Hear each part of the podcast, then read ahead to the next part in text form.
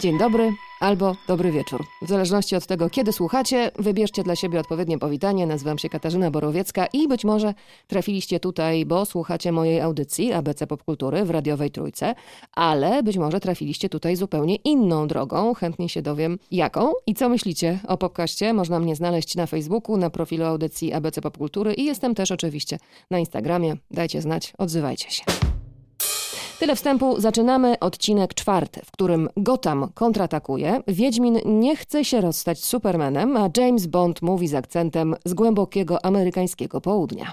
Zabiorę Was dzisiaj na spacer po wystawie Sztuka DC Świt Superbohaterów. Wystawę do 2 lutego można oglądać w Łodzi, w EC1. I tyle tam dobra, że kilka punktów tej wystawy już zaliczyliśmy w ABC Popkultury na antenie Trójki, a tutaj dłuższe spotkanie z kuratorem wystawy Piotrem Komorowskim z Narodowego Centrum Kultury Filmowej.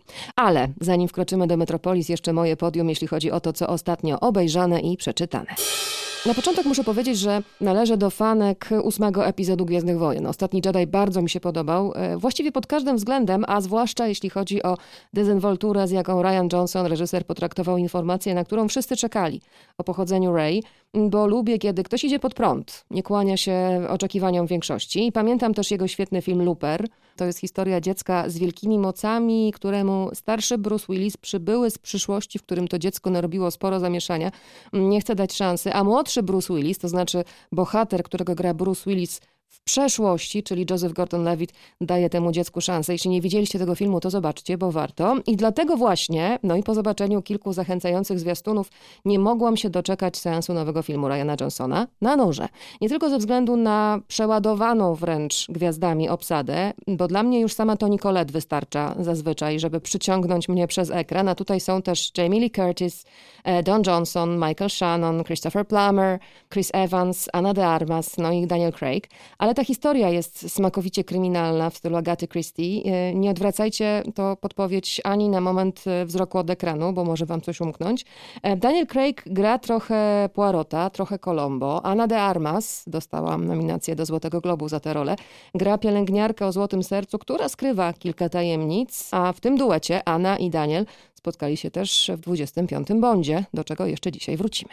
No ale na noże to nie tylko zagadka, kto zabił, to też udana satyra na bogatą, białą Amerykę, łaskawie przyjmującą niekiedy do rodziny imigrantów, Dodam tylko, że wątek klasowy rozwija się tutaj bardzo satysfakcjonująco.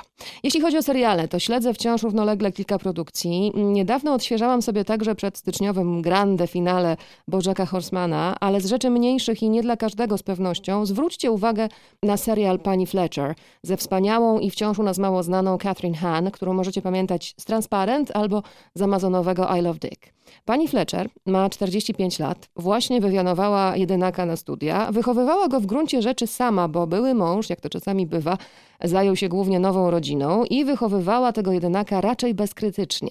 Więc chłopaka czeka dość bolesne zdarzenie z rzeczywistością w koledżu i miejmy nadzieję mm, także jakaś nauczka. A pani Fletcher, no cóż, pani Fletcher zaczyna sobie z pomocą internetu przypominać, że ona też ma różne potrzeby, nie tylko duchowe.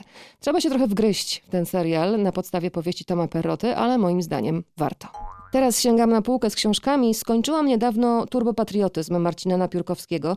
Popkultura jest w tej książce mm, o współczesnej Polsce obecna tuż pod powierzchnią bo w tym, jak postrzegamy rzeczywistość, jak ją interpretujemy, jest mnóstwo odniesień do tego, co oglądaliśmy i wciąż oglądamy kolejny i kolejny raz. To nie jest książka o popkulturze, oczywiście, to jest książka o Polsce, o Polsce współczesnej, o polskiej prawicy, widzianej oczami semiotyka analizującego wnikliwie obrazy i teksty. I to obrazy i teksty i polityków z pierwszych szeregów, i szeregowych internautów. Napisana jest z szacunkiem, ale i z dystansem, napisana pasjonująco, a przy okazji to, jak różne osoby o różnych poglądach patrzą na przykład na świat Harry'ego Pottera i nie mówię tutaj o indeksie ksiąg zakazanych ze względu na satanizm, magię i cukierki o smaku żygowin, czy na świat Gwiezdnych Wojen, to było dla mnie nie lada odkryciem. I jeszcze komiks na koniec, kolejna biografia. Można ten komiks skonsumować jednocześnie z książką o Tamarze Łępickiej, bo to ona jest bohaterką. Książkę wydało to samo wydawnictwo. A komiks y, Virginie Grainer i Daphne Collignon pokazuje wycinek z życia malarki, choć dotyka różnych aspektów jej życia i osobowości, mnie urzekł przede wszystkim wysmakowaną w swojej stylizacji stroną graficzną. Chorągiewki zatknięte, teraz wyruszamy na spacer. Wystawa Sztuka DC Świt Superbohaterów w EC1 w Łodzi została otwarta w czasie 30. Festiwalu Komiksu i Gier. Ja, jak do tej pory, przeszłam się tą wystawą dwa razy i jeszcze nie mam pewności, że wszystko wyłapałam, wszystko co trzeba było zobaczyć, to dostrzegłam. Świat DC to z jednej strony komiksy oczywiście, od Supermana, który zadebiutował w 1938 roku i wtedy właśnie zaczął się wyścig superbohaterów, w którym do DC dołączył Marvel, a z drugiej strony wszystkie wywodzące się z komiksowych historii dzieła ekranowe, animacje, filmy fabularne o Supermanie, Batmanie, Wonder Woman i Lidze Sprawiedliwości. Na wystawie mamy więc i komiksowe plansze, od tych najstarszych, i legendarne okładki, grafiki koncepcyjne z filmów Tima Bartona i kostiumy kolejnych wcieleń superbohaterów DC. Po wystawie oprowadzał mnie jej kurator Piotr Komorowski, a zaczęliśmy oczywiście w Metropolis. Historia Supermana zaczyna się albo, w, zależy jak spojrzymy, na planecie Krypton, kiedy jako dziecko zostaje wysłany przez rodziców w statku kołysce w kosmos, ląduje na Ziemi, albo zaczyna się w głowach Sigela i Schustera, dwóch chłopaków z Cleveland, którzy w 1938 roku na łamach Action Comics publikują pierwszy komiks o Supermanie i właśnie tym zaczynamy. Zamysł wystawy podyktowany jest troszeczkę naszą umową e, z Art Ludicle Muse, instytucją, która stworzyła tę wystawę. Według ich założeń wystawa musi prowadzić nas chronologicznie, czyli musimy przejść przez Supermana najpierw w 1938 roku, Dochodzimy do 39 roku, pojawia się Batman, 41-42 rok Wonder Woman i na koniec e, Liga Sprawiedliwości. Cała przestrzeń Supermana podzielona jest na ten zewnętrzny krąg i wewnętrzny krąg. Ten e, zewnętrzny krąg jest kręgiem komiksowym.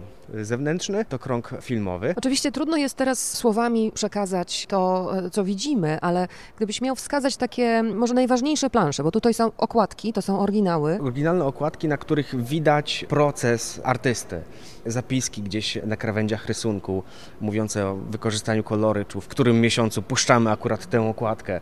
Części, które nie wyszły są zakorektorowane, które są wycięte. Widzimy sposób, w jaki komponuje się okładkę poprzez wykorzystywanie wcześniejszych logotypów czy elementów z wcześniejszych okładek, wklejanie po prostu kopii e, z nazwy Detective Comics czy Action Comics, która już przyjęta została na rynku i wokół tych paru elementów budowana jest historia opowiedziana na okładce. O może akurat teraz stanie Zostańmy przy tej, na której Superman wita się z Muhammadem Ali. Z Muhammadem Ali walczył chyba dwukrotnie. Superman wchodząc w nasz świat stał się ikoną, która wykracza poza świat komiksowy i jest w stanie spotkać się z takimi postaciami jak Muhammad Ali.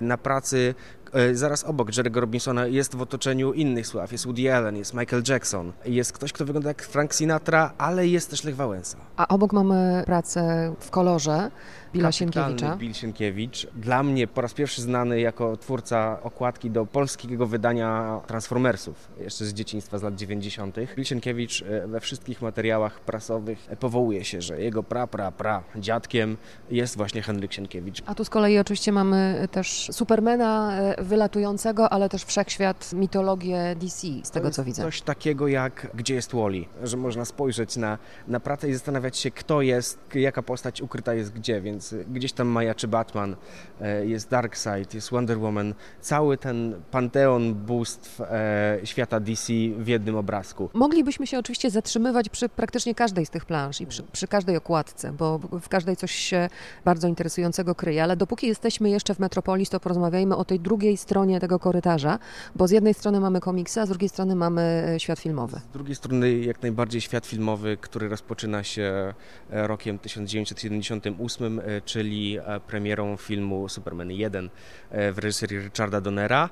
Dwa lata później powstaje Superman 2 w reżyserii Richarda Lestera. Tak naprawdę te dwa filmy nakręcił Richard Donner, tylko studio w międzyczasie zrezygnowało z jego usług i ktoś inny kończył za Donnera ten film właśnie, jak wspomniałem, Richard Lester. E, studio pokłóciło się o wizję reżyserską, ale też szalone pieniądze, które miał dostać Marlon Brando za, za drugą część e, filmu. Marlon Brando, który za e, chyba przy pierwszym Supermanie dostał prawie 4 miliony dolarów za bodajże parę dni, 6 czy 7 dni zdjęciowych, przy czym nigdy nie nauczył się tekstu. Czytał z kartek umieszczonych za, za kamerą, łatwe pieniądze i być może studio wiedziało, że może się nie opłacać akurat. Bo ja wiem, że Marlon Brando jest aktorem najwyższego kalibru, ale czy wart jest tych e, szalonych milionów e, w Supermanie? Zanim przejdziemy później, to ja chciałam jeszcze zapytać e, Cię o ten właściwie niepozorny dosyć fragment wystawy, na którym pojawia się nazwisko Andiego Warhola. To jest takie puszczenie oka przez nas i przez Art Ludik do kontekstu i właściwie do siły postaci, jaką, jaką jest Superman, który wykracza poza medium komiksowe, zwykle kojarzone z dziećmi i z jakąś taką tanią rozrywką i staje się elementem popkultury, czy wychodzi szerzej do ikonosfery, nawet jest przemycany do sztuki. Wiadomo, Andy Warhol kochał wszystko, co pop, Superman jest jak najbardziej pop, ale stał się częścią sztuki właśnie przez, e, przez Andy'ego Warhola. To co, idziemy dalej. Tak pieczołowicie jest to przygotowane, że mamy właściwie z każdej strony każdego bohatera i bohaterkę opracowanego, opracowaną, co się z nią działo, co się z nim działo, od e, premiery, od narodzin na kartach komiksu, po to jak później wchłonęły te postaci inne dziedziny popkultury. Chcemy pokazać, jak kolejne pokolenia artystów e, aktualizują mit co pokolenie artyści patrzą na tych bohaterów jako, jako na medium, czy jako materiał, który pozwala opowiedzieć nowe, ważne dla ich czasów historie. I to widać i przez tematy, które są poruszane e, w kolejnych wcieleniach Supermana, akurat tutaj, e, czy przez samą technikę jak zmienia się technika tworzenia materiału do filmu. Przed chwilą widzieliśmy piękne scenorysy e, rysowane ołówkiem, podkoloryzowane kredkami. Najnowszy Superman to już są wszystko prace tworzone na komputerach. No i tak, i teraz z, z Zakotary groźnie spogląda na nas Henry Cavill jako Superman, e, bo tak. też oczywiście są już, kostiumy z tego nowego Wiedźmin, Supermana. I już Wiedźmin i zawsze Superman. Z Metropolis wchodzimy teraz do Gotham City. To jest, to jest e, niesamowita przyjemność wczytywać się w te notatki, które są na marginesach, te notatki, które są przy tych planszach, przy tych od najstarszych do, do tych nowszych, bo można się tutaj wiele dowiedzieć. A teraz patrzymy na, na Batmana w wydaniu kitonowskim. Jesteśmy w tej przestrzeni już filmowej Batmana. I Batman Kitona taka ciekawostka jest. Później zobaczymy e, kostium Harley Quinn, która ma na sobie buty marki Adidas. Na potrzeby tego filmu, czyli pierwszego Batmana Tima Bartona, Batman nosił Nike. Coś się tu zmieniło, ale zwróćmy też uwagę na to, co jest po drugiej stronie. To są imponujące, kapitalne, e, kapitalne tak, wyobrażenia Gotham City z tej wersji e, z 89 roku i później e, powrót tak, Batmana. Scena, w której e, e, rodzice Cobblepota wyrzucają wózek w parku z, z małym pingwinem. To pokazuje fakt, że w tych filmach bartonowskich Gotham też jest bohaterem filmu. Jest jak najbardziej, jakby wizja miasta była kapitalna. To takie noir, horrorowate, troszeczkę przypominające czasem Metropolis Fritza Langa, e, przedstawienie miasta. Widać tutaj, a przede wszystkim widać kunszt rysowników Martiego Kleina i Antona Fursta, którzy to wszystko tworzyli w ołówku, więc to muszą być szalone ilości godzin spędzone, aby przedstawić, uwiarygodnić miasto Mrocznego Rycerza. Teraz przechodzimy koło pingwina. No tak, to jest e, domyślny pingwin dla wszystkich, którzy widzieli powrót Batmana Tima Bartona i rzeczywiście wyobrażenie sobie kogokolwiek innego niż Danny DeVito w tej roli jest trudne. Tak, ja bardzo często nawet powtarzam sobie, że jeżeli coś w życiu dzieje się źle, mówię sobie, zawsze to lepsze niż krwotok z nosa. Jest ta scena, w której pingwin zwraca się do osoby, która śmieje się z niego. Lepsze to niż krwotok z nosa, po czym gryzie ją w nos. Taki mały smaczek, który towarzyszy mi przez życie właśnie z, z pingwinem bartonowskim. Zatrzymajmy się na moment może jeszcze przy tym, skąd się wzięła ta wystawa, bo to jest wystawa, którą gdzieś na świecie już można było oglądać i też fajnie, że teraz możemy ją oglądać w Polsce. Wystawę stworzyło prywatne paryskie muzeum Art Ludic Le Musée. I Art Ludic zgłosiło się do DC i do Warnera i do prywatnych kolekcjonerów z prośbą o udostępnienie wybranych obiektów. Korzystając z przepastnych archiwów DC, Wyobrażam sobie, że archiwa Warnerów wyglądają troszeczkę tak jak e, końcówka Indiana Jonesa, e, gdzie są korytarze wypełnione skrzyniami z kultowym dobrem filmowym. Art Ludicle Musée wybrało szereg prac, szereg kostiumów i stworzyło taki szkielet wystawy tego, co chcą pokazać, koncentrując się przede wszystkim właśnie na wizualnej stronie. Tę wystawę prezentowano po raz pierwszy w Paryżu. Później e, tę wystawę można było oglądać e, w londyńskim O2, wreszcie w Abu Dhabi i e, ta wystawa przyjechała do nas, do Łodzi. Jesteśmy czwartym miejscem, w którym prezentowana jest ta wystawa, z tym, że pierwszym miejscem, które w taki sposób podeszło do tematu scenografii wystawienniczej. Wcześniej ta wystawa miała taki klasyczny, galeryjny, troszeczkę labiryntowy charakter z pomieszczeniami, przez które przechodziło się e, z poszczególnymi postaciami czy poszczególnymi fenomenami. My postanowiliśmy wykorzystać halę maszyn EC1, która jest naszym skarbem. Jest obiektem poprzemysłowego dziedzictwa, które jest w stanie być sceną najlepszą sceną właśnie dla tej wystawy, bo są miejsca, które wyglądają jak Azyl Arkham, e, są miejsca, które wyglądają jak redakcja Daily Planet. I to wszystko postanowiliśmy wcisnąć właśnie w halę maszyn przy pomocy jeszcze kapitalnego projektu biura Cosa Nostra Studio. No i jeszcze mm, powiedzmy, że zwisają od właściwie od wejścia papierowe nietoperze. E, tak, to jest znowu pokazuje naszą, naszą miłość do Batmana, że raczej zdecydowaliśmy się na nietoperze, a nie na e, symbole S czy, czy to W e, Wonder Woman. Siła oddziaływania Batmana na nas jest tak, że, że jesteśmy Batmanofilami. Teraz jesteśmy w przestrzeni trylogii Nolana z Christianem Bale'em jako Batmanem. Wchodzimy właśnie do tej przestrzeni mijając e, kostium e, z Batmana Początek i e, z Mroczny Rycerz Powstaje. Bane. Bane, Bane Tomka Hardiego w kapitalnym też otoczeniu, mm, bo zaraz obok prezentowane są prace Lindy Hemming, kostiumografki, która współpracuje z Christopherem Nolanem. Dalej obok e, na, na telewizorze e, wywiad z panią Hemming, która opowie o procesie projektowania Bane'a i od tego odejścia z wizji z komiksów i z w serialu animowanego, gdzie Bane był takim zapaśnikiem Lucha Libre w lateksowej masce, do tej wizji rzeczywiście przerażającej, wizji z XXI wieku. Po drodze jeszcze minęliśmy Batpot, oryginalny Batpot e, z Mrocznego Rycerza. Mm, teoretycznie jest sprawny, bo on wjechał tutaj o, o własnych naszych siłach. Wprowadziliśmy go, koła się toczą, można skręcać, działka nie działają, silnika nie zalewaliśmy, bo baliśmy się o ubezpieczenie. Po prostu. Na wszelki wypadek jest ostrzeżenie, że nie należy na niego wchodzić, więc proszę Państwa, proszę nawet nie próbować, ale wspomniałeś Lindy Hemming, ja bym powiedziała jeszcze, to też warto się wsłuchać w te opowieści, bo z kolei na kolejnym ekranie e, film, w którym opowiada znakomita kostiumografka o tym, jak powstawała koncepcja wizualna postaci Jokera właśnie granego przez Heath Ledgera. Akurat tutaj e, opowiada o materiałach, które wykorzystywała, dlaczego zdecydowała się na te kolory, e, co były inspiracją. Mówi o tych złych chłopcach rocka czy punk rocka, nie wiem, wspomina Syda Wyszysa, czy chłopaków z The Who jako inspiracje stojące za kostiumem e, Heath'a Ledgera i to wszystko jest znowu w otoczeniu jej rysunków, jej prac koncepcyjnych i gotowego produktu, jakim jest kostium, który e, nosił Heath Ledger. Skąd się wzięła e, zielona kamizelka w kostiumie Jokera w wykonaniu Heath'a Ledgera, to Państwo się dowiedzą już na wystawie, ale jeszcze dwa nazwiska bym powiedziała, bo Lindy Hemming wspomina również Aleksandra McQueena i Vivian Westwood jako te osoby ze świata mody, których projektami się inspirowała. No i mamy oczywiście też obok tego ekranu z jej wypowiedzią. Fantastyczne rysunki. Teraz wchodzimy w przestrzeń poświęconą jeszcze jednej kobiecie DC, czyli Wonder Woman.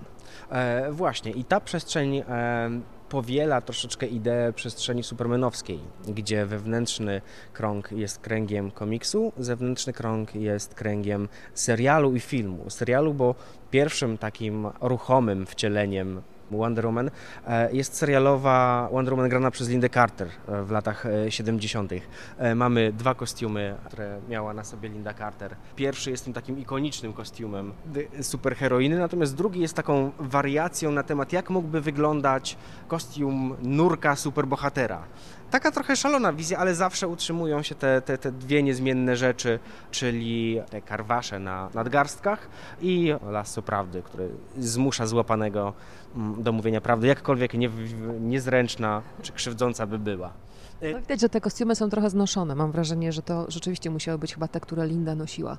Ten y, codzienny jest dosyć kusy. 40, widać, widać te 40 lat, ale też e, akurat ten kostium e, przyleciał do nas e, prosto z, pierwszy kostium Lindy Carter przyleciał do nas prosto z Burbank z Kalifornii, ponieważ no, ta wystawa, jak już mówiłem, prezentowana jest czwarty raz na świecie i czasem zdarza się, że w transporcie coś ulegnie uszkodzeniu.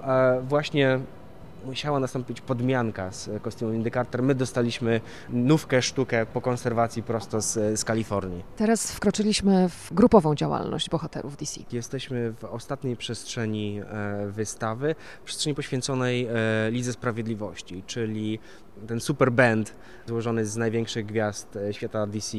W momencie, w którym światu zagraża niebezpieczeństwo, z którym nie da sobie rady jeden bohater, no, odwołujemy się do, do Ligi Sprawiedliwości, e, aby uratować dzień. Tutaj akurat prezentujemy praktycznie tylko prace e, graficzne związane z komiksem i prace cyfrowe związane z filmem. Nie mamy kostiumów czy rekwizytów z najnowszych filmów Liga Sprawiedliwości czy, e, czy Aquaman jeszcze nie były dostępne, kiedy tworzono tę wystawę, ale są właśnie perełki. Jest e, Adventure Comics e, rysowane przez Jacka Kirby'ego. Są to dwie, na całej wystawie są dwie prace rysowane przez Jacka Kirby'ego. Jest galeria okładek Flasha, z jedną z najbardziej takich ikonicznych okładek flashowych czyli przedstawiająca dwóch flashów, rysowana przez Carmina Infantino, gdzie, żeby ocalić postać, biegnie zarówno Jay Garrick, jak i Barry Allen. Dwóch flashów z dwóch różnych ziemi. Wróćmy jeszcze na moment do tej okładki Jacka Kirby'ego. To taka postać, że trudno tak przejść obojętnie. Ta okładka Kirby'ego może nie jest aż, znaczy jest, jest spektakularna, ale nie jest tak fascynująca, a właściwie historia za nią nie jest tak fascynująca, jak historia okładki po drugiej stronie e, z e, komiksu Forever People, ponieważ Kirby w pewnym momencie swojej kariery został podkupiony. Kirby, który był jednym z trzech filarów e, Marvela, jest Stanley, Steve Ditko i Jack Kirby, przyszedł w pewnym momencie do DC. To był taki chwyt DC troszeczkę na rozbrojenie Marvela. Odebrać jeden z największych talentów, a jednocześnie DC niespecjalnie lubiło sposób, w jaki Kirby rysował. Był zbyt kwadratowy, kanciasty, daleko mu było do takich posągowych przedstawień, które kochało DC. E, I jak zobaczycie Państwo w poprzedniej przestrzeni właśnie Supermana tę jedną pracę Kirby'ego z Forever People, to praktycznie widać, co narysował Kirby, bo to jest wycięte, Superman narysował ktoś inny. DC, szanując kunszt Kirby'ego, nadal nie pozwalało mu rysować Supermana. A jeżeli narysował Supermana, to przychodził ktoś i poprawiał to, to jest w ogóle nie do pomyślenia, żeby poprawiać po Jacku Kirbym. Zaokrąglał łokcie na przykład. Dokładnie.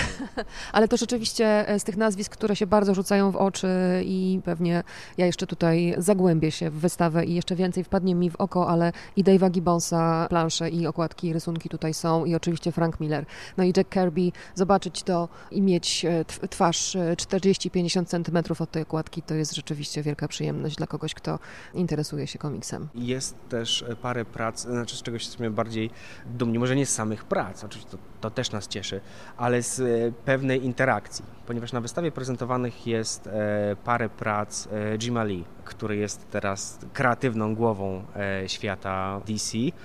Jim Lee napisał do nas maila, w którym pogratulował nam wystawy i cały Warner i całe DC mówi, że ze wszystkich wcieleń tej wystawy Łódź dała radę najbardziej, stworzyła najbardziej fascynującą edycję wystawy właśnie Sztuka DC Świt Superbohaterów. Wystawa oczywiście miała premierę mm, przy okazji hucznie obchodzonego jubileuszu 30-lecia Festiwalu Komiksu i Gier w Łodzi, a Jim Lee bywał na festiwalu, prawda? Jim Lee bodajże był dwa czy trzy lata temu e, w Łodzi. Jakby marka Łodzi jako miasta komiksu no jest już niepodważalna i jakby możemy ściągać już tylko albo takie gwiazdy, albo takie wystawy. I takim ostatnim, ostatnim troszeczkę żartem naszym zwróconym w kierunku świata DC i Warnera e, jest plansza Alexa Rossa. Praca koncepcyjna do Zielonej Latarni. Zielonej Latarni filmu, który Ryan Reynolds chciałby zapomnieć, Taika Waititi, który też grał w tym filmie, chciałby zapomnieć. Oni już właściwie nie pamiętają. Rozmawiali ostatnio przy okazji promocji jakiegoś innego filmu i mówili o tym, że w ogóle nie wiedzą o czym jest mowa. Jaka latarnia? Tak, Co to za latarnia? Widziałem, widziałem ten wywiad, więc to jest nasze puszczenie oka, że wystawa kończy się filmem, który może oni nie chcą pamiętać, ale my pamiętamy. Kiedy zobaczyłam te dwie okładki autorstwa Jacka Kirby, serce mocniej mi zabiło, bo to człowiek legenda. Dla Marvela współtworzył m.in. postać Spidermana, a odbierając Pulitzera za powieść Niesamowite przygody kawaliera i Kleja, którą wam polecałam w pierwszym odcinku podcastu, Michael Chabon, wybitny amerykański autor, napisał Chcę potwierdzić głęboki dług, który zaciągnąłem. To i wszystko, co kiedykolwiek napisałem, zawdzięczam pracy Jacka Kirby'ego, króla komiksów. Więc właśnie dwie prace mm, króla komiksów znajdziecie na tej wystawie. Zwróćcie uwagę na nazwisko Jacka Kirby'ego, ale kolejne nazwiska, które padły w naszej rozmowie z Piotrem Komorowskim, mm, to są też nazwiska warte tego, żeby na nie zwrócić uwagę. Zatrzymujcie się przy kolejnych planszach, poczytajcie dopiski na marginesach, bo to jest magia. Sztuka DC, świt superbohaterów w Łodzi w EC1 do 2 lutego. A my przez moment zatrzymajmy się przy tym, co już wiemy o najnowszym filmie o Batmanie. Kolejni członkowie obsady są ogłaszani. Matt Reeves oczywiście będzie reżyserował, to wiemy nie od dziś. Nie od dziś również wiemy, że Robert Pattinson wygrał z Nicholasem Holtem wyścig do roli Mrocznego Rycerza. Andy Serkis zagra Alfreda. Jeffrey Wright, który ostatnio przypomniał o sobie w serialu Westworld, będzie komisarzem Gordonem. Zoe Kravitz będzie kobietą kot. Colin Farrell pingwinem. Paul Dano i z tego chyba najbardziej się cieszę, bo bardzo cenię tego aktora, będzie człowiekiem człowiekiem zagadką, a ostatnio Matt Reeves powitał mm, w rodzinie Petera Sarsgarda. Nie ogłoszono jeszcze kogo zagra, ale są podejrzenia, że to będzie mm, bohater mm, znany jako dwie twarze. No i jeszcze John Turturro również w tej odsłonie się pojawi jako Carmine Falcone, nieomal capo di tutti capi w Gotham i ta lista przeciwników Batmana, przyznacie, prezentuje się całkiem nieźle. Filmowe drogi bohaterów DC są dość kręte i w tę ścieżkę nie będziemy się za bardzo zapuszczać dzisiaj. Przed dwoma laty miałam okazję rozmawiać z J.K. Simmonsem na festiwalu Camera Image. Wtedy to on był komisarzem Gordonem. Well, the Justice League from my perspective, the Justice League film serves as kind of an introduction to or, or a reintroduction to the new incarnation of Commissioner Gordon and and is a, a small part um, in the film. So, so I think the evolution of that character uh, remains to be seen, and, and I'm, you know, I'm very much looking forward to uh, hopefully having the opportunity to to continue to expand and and uh, and examine who this guy is and, and, and his role in the, the DC universe. Certainly, the my time in the Marvel universe with Sam Raimi in the, the first three Spider-Man films is something that uh, that I look back on with great affection, and, and it was a joyful, wonderful experience as a career, you know, thing, and just as an actor and just as a person.